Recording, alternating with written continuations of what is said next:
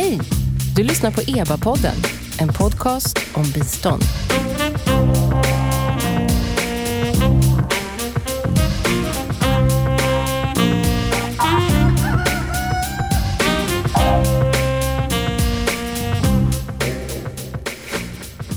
Välkomna till EBA-podden. Jag heter Nina Solomin och den här podcasten ges ut av Expertgruppen för biståndsanalys. Det förkortas EBA och det är en statlig kommitté som utvärderar och analyserar Sveriges internationella bistånd. Sextortion, har ni hört talas om det? Nej, jag tänkte väl det. Det är ett inte helt känt begrepp i Sverige. Eh, men sextortion är helt enkelt när en person som har en position av något slag med inflytande eller makt använder den för att få sex i utbyte mot en förmån eller en tjänst. Det kan vara en matkupong, det kan vara ett examensbevis eller, eller ett jobb. Det här problemet finns högst sannolikt också i många av de länderna som Sverige ger biståndsmedel till. EBA har rätt nyligen tagit fram en studie som grundligt utreder vad sextortion är och hur det ska bekämpas. Och eh, idag har vi tre gäster med oss. Först ut är Åsa Eldén. Välkommen! Tack så mycket! Sociolog och en av rapportförfattarna till den här studien som EBA har tagit fram. Och jag ska genast tillägga att de övriga, förutom du Åsa, det är Dolores Calvo, Elin Bjarnegård, Silje Lundgren och Sofia Jonsson. Ja, det stämmer bra det. Skulle du kunna bara ge oss en mer professionell definition av sextortion än den jag just försökte fumla fram?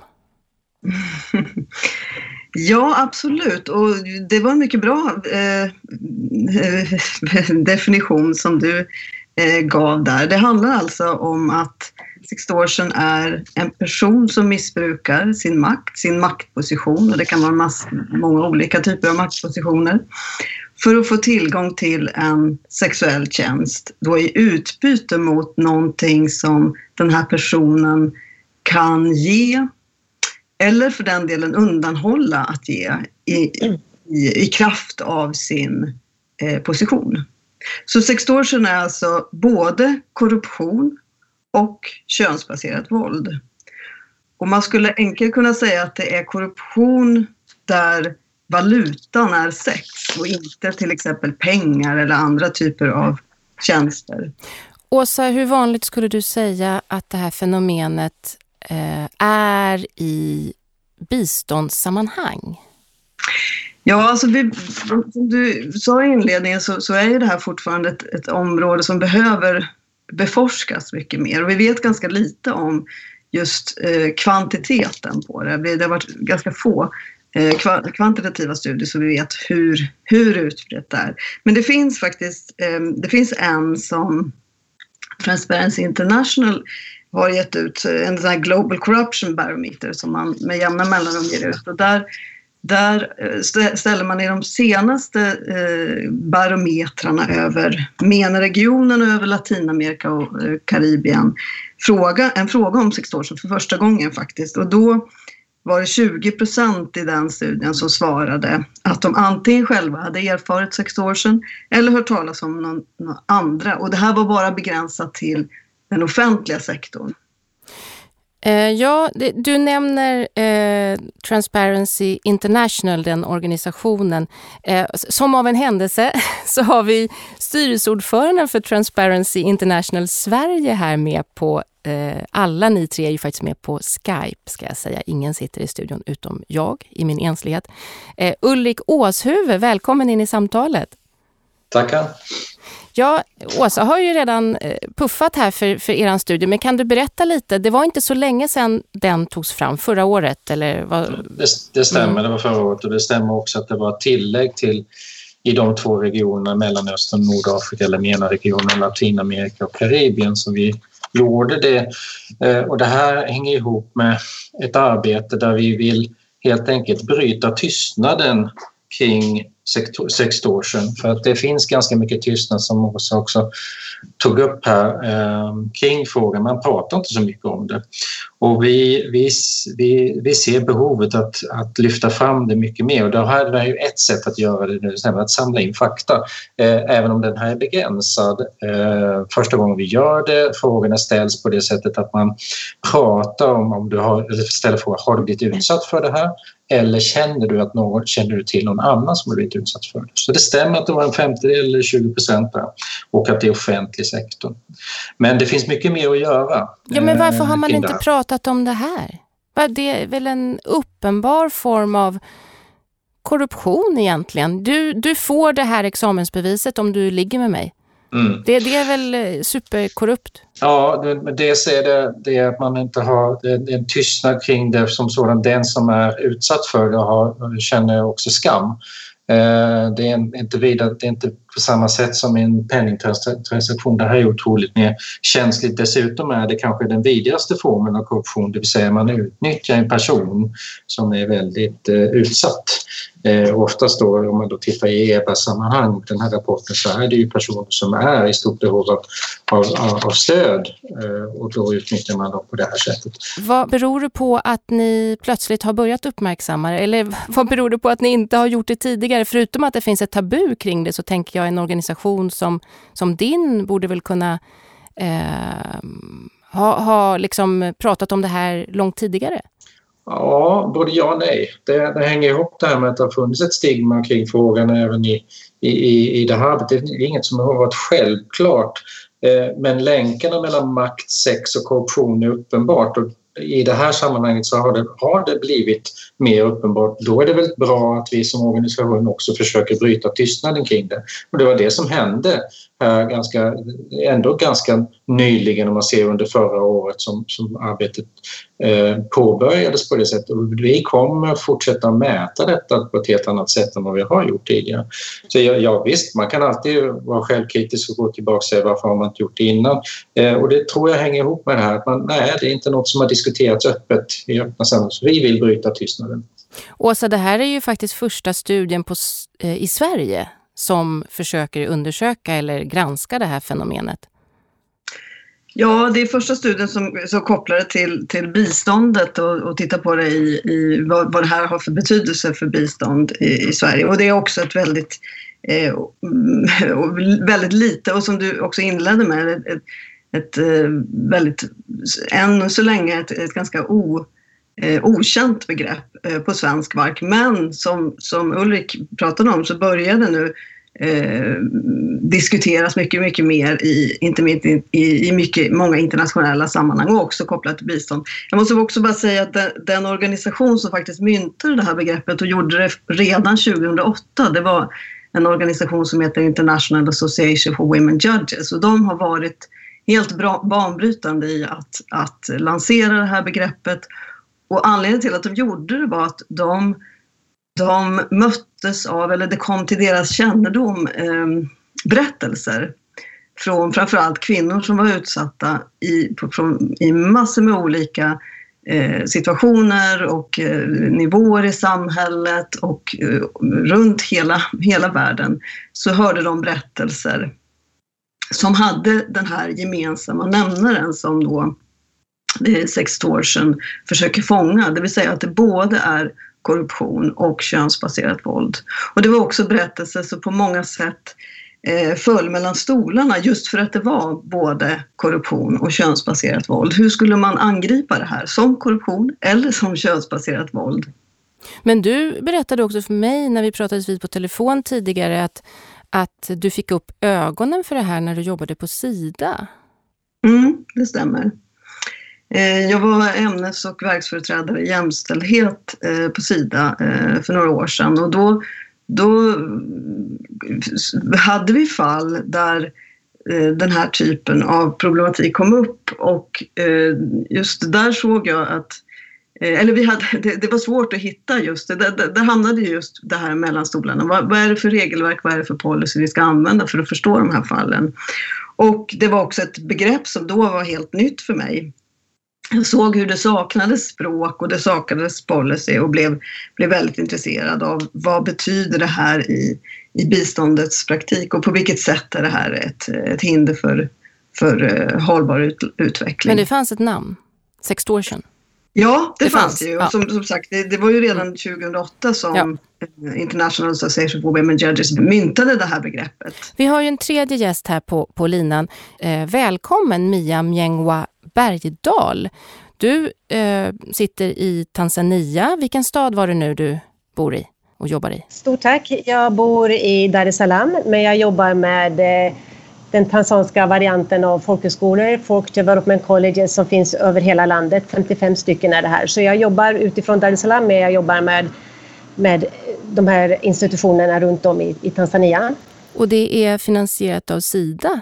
En del av programverksamheten som vi jobbar med, ja, det är finansierat av, av Sida. Så vi har ett samarbete med Sida här när det gäller en del av våra program. Och du, eh, du finns ju också med i Åsas eh, studie som en av informanterna. Skulle du kunna berätta lite om sextortion eh, i, i, Tanzania? Är det någonting man pratar om? Är det någonting man skäms över? Eh, ja, sextortion finns ju absolut i olika samhällssektorer här och jag jobbar i utbildningssektorn. Och eh, i rapporten som, som Åsa och, och andra har skrivit så, så tycker jag att det, det, är en fantastisk rapport som har betytt jättemycket för oss som ett verktyg i, i hur vi nu kan jobba med sextortion i, fortbildning, i våra fortbildningsprogram och så vidare. Och eh, rapporten tar ju upp vikten av att ha ett begrepp och det som Åsa också pratar om, att ha ett begrepp som sextortion och på swahili heter det rushwe angono. Och det är ett välbekänt begrepp som typ kan översättas som sexkorruption.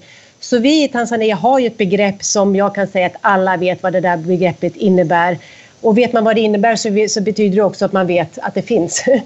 Så eh, självklart finns, finns det här, eh, inte bara i utbildningssektorn utan i alla, i alla sektorer, absolut. Är det olagligt? Ja, det är olagligt, absolut. Det, det här ligger på Korruptionsmyndigheten här att jobba, jobba med den här stora problematiken. Så i Tanzania har vi ju, ett, vi har ju det som, som Åsa eh, och andra skriver i rapporten är viktigt, att vi har ett policy, ett regelverk, vi har en definition, ett begrepp för, för fenomenet. Men som det också står i rapporten här som också är väldigt sant, det är ett glapp mellan policy, Eh, regelverket på nationell nivå och så tittar vi ner på vart vi jobbar med folkhögskolor och de riktlinjer och den implementering som vi gör på skolorna. Där är ju liksom glappet, men det är där vi då kan gå in och jobba med. Men hur vanligt tror du att sextortion eh, är inom till exempel eh, mellanled, alltså Sidas mellanled ner till de som liksom ska stöttas av svenska biståndsmedel? Biståndsorganisationer på plats. Förekommer det sextortion där? Jag kan inte riktigt svara på det, för det, det, det vi har sett är ju mer i liksom det som kommer upp här i det som är känt och det som är liksom allmänt känt, det är ju mer i verksamhet. Det är ju otroligt stora diskussioner här om universitets, universiteten i Tanzania som har verkligen haft en stor problematik när det gäller sextortion. Och, och det man kan se är väl mer att vad gör man då när man går in och stödjer en sektor?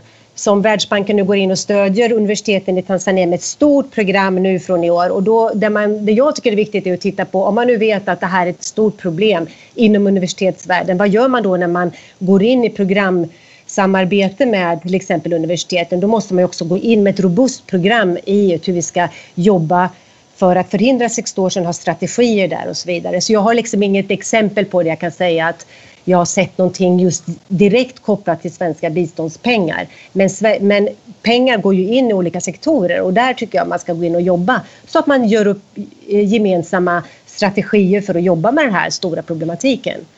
Men rent konkret, vad kan det vara? Kan det vara som jag sa, ett examensbevis? Eller vad, vad är, vad... Ja, absolut, när det gäller universitetsvärlden så de, de, fall som har gått upp till, till rätten, det är typ sådana. Det är det är eh, elever som, eller studenter på universiteten som ska göra sin examen, eh, göra om sin examen till exempel och inte få göra om sin examen om de inte har, eh, har sexuella relationer med sina, sina lärare eller man, får in, man blir underkänd på sina examen etc. Det är typiska de fallen som, som uppe i universitetsvärlden som också är uppe i media. Så det här är liksom någonting som skrivs om i media. Och, och det är någonting som allmänheten liksom fördömer eller? Ja, ja, ja, absolut. ja absolut. Mia, jag tänkte bara fråga om jag får hoppa in här lite grann. Jag tänkte på omfattningen som du säger, man säger att det är ett stort problem. Men har man mätt det på något sätt i Tanzania? In, inte vad jag vet. Det man har mätt, där det finns en rapport, det är att man har tittat på de här två stora universiteten i Dodoma och Dar es Salaam till exempel. Och så då har man mätt ute lite från vad du också sa. Känner man till, eller vad känner man till? Och då säger nu kommer jag inte riktigt ihåg siffrorna, men om det är ungefär 60 procent av studenterna säger ja, det förekommer här på universitetet. Och man har intervjuat personal som säger, också en ganska stor procent som säger ja, vi vet att det här förekommer inom vårt universitet. Eh, och de rapporterna har ju korruptionsmyndigheterna gjort. Ulrik, eh, hur kan man egentligen komma till rätta med det? Är, det, är nycklarna liksom de här korruptionsmyndigheterna i de stater som fungerar tillräckligt väl för att det ska finnas en sån som fungerar? Eller hur, hur ska man göra? Det är bra att det finns myndigheter som jobbar med frågan men jag tror att det grundläggande som kanske man har kommit en bit med i Tanzania också är just det ramverket kring frågan, det vill säga den rättsliga, rättsliga definitionen. Hur det fungerar, in i den nationella lagstiftningen straffrättsligt, rent tekniskt, men också att utbilda de som jobbar eh, inom ramen för rättsväsendet, både åklagare, polis och annat för att förstå fenomenet baserat på en, en definition, en rättslig definition och öka medvetenheten överhuvudtaget i de som har att bekämpa det. Ehm, jag tror att det finns en ganska stor brist i att man inte känner till det i många länder. Så att, ja, men är det här något problem överhuvudtaget? Nu verkar man ha kommit en bit på, på, god, eller på ganska god väg i Tanzania men fortfarande kvarstår problemet. Så att säga. Det är den ena. Det andra kan vara att som handlar ju om att jobba med de utsatta personerna också. Det är ju det kanske viktigaste, att de också får hjälp. Inte bara att vi definierar oss och, mm. skriver fina rapporter eh, utan att man skapar säkra kanaler för de personerna, framförallt då kvinnor, att kunna rapportera och att man ger stöd till brottsoffren så att de känner att det här finns någonting, att det finns när man vågar helt enkelt komma fram. Slutligen tredje, eller det kanske finns fyra delar men en tredje är att det måste finnas mer forskning på området, mer data helt enkelt. Där kan vi bidra med viss, men även andra aktörer måste jobba ganska mycket med det. Eh, och slutligen är väl att göra just praktiskt arbete. Eh, kring det. Att, att eh, till exempel i program då när man går in med stöd som här nämns i Tanzania eller något annat land, att man också lägger in de här komponenterna som en del utav arbetet. Eh, så man förebygger, man gör en riskhantering också kring det så att man inte skapar problem, så här, ger grogrund till problemet heller. Åsa, i er studie så har ni ju just två, eh, dels diskuterar ni begreppet, men sen så har ni två fallstudier. Och det ena var ju från Tanzania och, och där har vi hört Mia. Och det andra är Colombia. Eh, skulle du vilja bara kommentera, vad finns det för skillnader och likheter mellan de här två eh, fallstudierna? Mm. Ja, vi, vi valde de här två, två länderna, både utifrån att det är Eh, viktiga eh, länder i, för Sidas, eh, för Sveriges utvecklingssamarbete och, och lång, som har funnits under, under lång tid, så att det är centrala länder. Och att det är två, två ganska olika eh, kontexter. Och, och, men också faktiskt just för att det som, det som Mia berättar här om att begreppet finns i Tanzania. Och det hade vi hört om att det, att, att det gör innan vi började den här studien. Och vår studie bekräftar ju också det, precis så som Mia säger, att det är ett begrepp som, som eh, folk i gemen i, i, Tanzania faktiskt vet vad det är. Medan i, i, Colombia så finns det inte som begrepp, så där fick vi ställa frågorna på ett annat sätt. Först förklara var, vad vi menar med sextortion och sen ställa frågor. Men likheten mellan Eh, Tanzania och Colombia, det är just eh, det som vi ser i vår studie, att det, det finns eh, vi har, inte, vi har inte mätt, vi har inte gjort en kvantitativ studie utan det här är en kvalitativ studie där vi, där vi har gjort intervjuer med Sidas partners i, Tanzania och Colombia. Men vi ser att det, det, det kommer fram berättelser om eh, sektorsen inom en, många olika sektorer och inom Ehm, på flera olika nivåer. Till exempel i Colombia i irreguljär migration, en informant som berättar om hur kvinnliga migranter ofta måste betala sina, med sina kroppar för att kunna korsa en gräns, medan män oftare krävs på mutor i form av pengar. Eh, i rättssystemet i Colombia att en kvinna berättar hur distriktsåklagaren, eller en, en, en, informant berättar om hur en kvinna berättar hur distriktsåklagaren försöker utnyttja henne sexuellt för att sköta hanteringen av hennes anmälan om sexuellt våld i det här sammanhanget. Mia har tagit upp flera exempel i högre utbildning, som vi också, i högre utbildning men också grundutbildning som vi också ser. Eh, informell sektor till exempel hur anställda på hotell, och det här exemplet är för, från Tanzania, eh, att man, mm, en informant som berättar om att de inte har några kontrakt och om man har då istället för, att, för kontraktet så om man behöver ta ledigt för att ta hand om sin familj till exempel så behöver man betala med sex istället. Så det finns en massa olika eh, exempel på eh, sextortion från, från många olika sektorer. Så att vi, vi pratar om att sextortion både i Tanzania och i Colombia är normaliserat, det är en del av vardagslivet för många. Mm. Men den stora skillnaden är just det här att det faktiskt i Tanzania finns som begrepp och då blir det också möjligt att prata om det. Så att eh, frånvaron respektive närvaron av ett begrepp är väldigt, väldigt viktigt. Va, va, liksom, det, det ligger ju verkligen i Sveriges intresse att svenska biståndspengar inte finansierar den typen av företeelse. Mm. Ja, verkligen. Men hur kan man komma åt det från Sidas håll till exempel? Ja, att stödja organisationer som jobbar med det här på, på marken, som eh, civilsamhällesorganisationer till exempel, men också se till att det finns ett, en, en brett, ett brett engagemang kring det här. Och både då stödja organisationer som jobbar med könsbaserat våld och organisationer som jobbar med korruption. Men det som också är väldigt viktigt, eh, det är det här att man måste länka samman policyområdena kring könsbaserat våld och korruption så att man arbetar tillsammans, så att man just lär av varandra och ser de här förbindelserna, eller ser, ser den här att det faktiskt befinner sig i gränslandet mellan de här två områdena. Och det är inte alltid lätt i biståndet att, att, ha, att ha olika policyområden som måste mötas och måste samarbeta. Men det är en, en, ett väldigt starkt budskap från vår sida att det här måste man göra för att, att kunna agera i, i praktiken kring sextortion. Mia, du sa att eh, du är ju faktiskt en sån som jobbar med delvis åtminstone svenska biståndspengar som finansiär eh, i den här folkhögskoleverksamheten. Och då undrar jag, eh, du sa så här, den här studien är toppen och det är väl inte bara för att du är med där utan det är väl också för att du använder den då på ett konkret sätt. Alltså hur på vilket sätt eh, använder ni eh, Åsas eh, rapport för att kunna motverka sextortion, åtminstone inom er verksamhet? Så eh, det vi har gjort, vi har haft rapporten som en, som en utgångspunkt i fortbildning som vi har gjort tillsammans med Korruptionsmyndigheten, PCCB, här för våra lärare och rektorer. Men också en stor diskussion för oss och det som är otroligt viktigt, det är ju det som rapporten tar upp med skuldfrågan att man tar en tydlig ställning och pratar om att den som har makten, som är i position, är förövaren.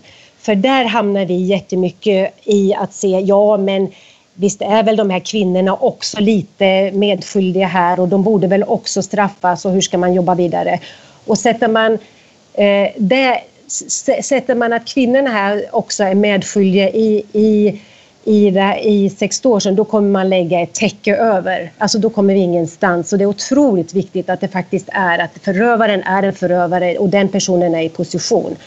Ulrik, eh, Åsa menar ju här att det är både, sextortion är både en form av korruption och könsbaserat våld. Är inte det att krångla till det? Kan man inte bara kalla det här för korruption? Ja. Så kommer man åt det på ett enklare sätt. Nej, jag tror det är just det som har gjort att det har hamnat mellan stolarna lite grann under en period. Eh, och eh, det är därför som det är viktigt att få en rättslig definition som bakar ihop de här två så att det inte blir eh, det ena eller det andra. Eh, det är lätt att skylla och jag kan se också problematiken inom ramen för utvecklingssamarbetet att man, man jobbar lite grann i, i silotänk att ja, men vi jobbar ju med de här frågorna och de andra jobbar med korruption. Det hänger väl inte riktigt ihop. Så att jag tror att man måste hitta en, en definition som klarar att hantera båda aspekterna. Och då är ju uttrycket sextortion utmärkt på det sättet att det är, det är väldigt tydligt vad det handlar om. Med det så vill jag tacka er för det här samtalet. Tiden är tyvärr ute, men jag tror att diskussionen kommer fortsätta. Tack Ulrik Åshuvud, eh, Transparency International Sverige, styrelseordförande är du där. Mia Mjengwa Bergdahl i, från Tanzania och Åsa Eldén som är en av rapportförfattarna till EBAs studie om sextortion och som är med oss från Uppsala. Tack för att ni var med. Tack så mycket. Tackar. Tack så mycket. Och om du som lyssnar nu har blivit nyfiken på den här rapporten Sextortion, Corruption and Gender-Based Violence, då kan ni direkt gå in på eba.se och där hittar ni enkelt den här rapporten och ni kan ladda ner den, det är helt gratis och ni kan dessutom se seminariet och eh, den lilla kortfilmen om ni har väldigt ont om tid som sammanfattar rapporten. Dessutom finns det över hundra andra utvärderingar och rapporter och analyser inom biståndsområdet på EVAs hemsida så det är bara att gräva ner sig och komma fram lagom till midsommar. Stort tack för att ni har lyssnat och tack igen till gästerna. Jag heter Nina Solomin och nu är jag inte ensam i studion längre, för nu sitter en annan person här. Välkommen Willy Silberstein. Tack för det. Jo, för det är ju så här att jag kommer att ta ett litet uppehåll som programledare för EBA-podden. Eh, och då vill man ju ha eh, hög kvalitet på ersättaren, kanske den bästa, som ska kliva in och vicka helt enkelt. Eh, Willy Silberstein, vem är du? Jag har ett långt journalistiskt förflutet. Jag har bland annat jobbat väldigt många år på Sveriges Radio och låt mig då säga att åter sitta i en studio, då pirrar det faktiskt lite i magen på ett bra eller dåligt sätt? Får ja. du ångest? Nej, nej, nej, utan det här tycker jag är kul. Jag tycker att radio är ett fantastiskt medium och poddar är som radio och det här ska bli jättespännande. Vad är din relation till bistånd? Jag tycker det är viktigt. Eh, jag tycker att det bör vara förankrat så väl som möjligt bland oss medborgare, men jag är absolut ingen expert och det kan möjligen vara också en fördel. Ja, jag ser verkligen fram emot att höra dig möta eh, alla intressanta gäster i vår. Välkommen! Tackar!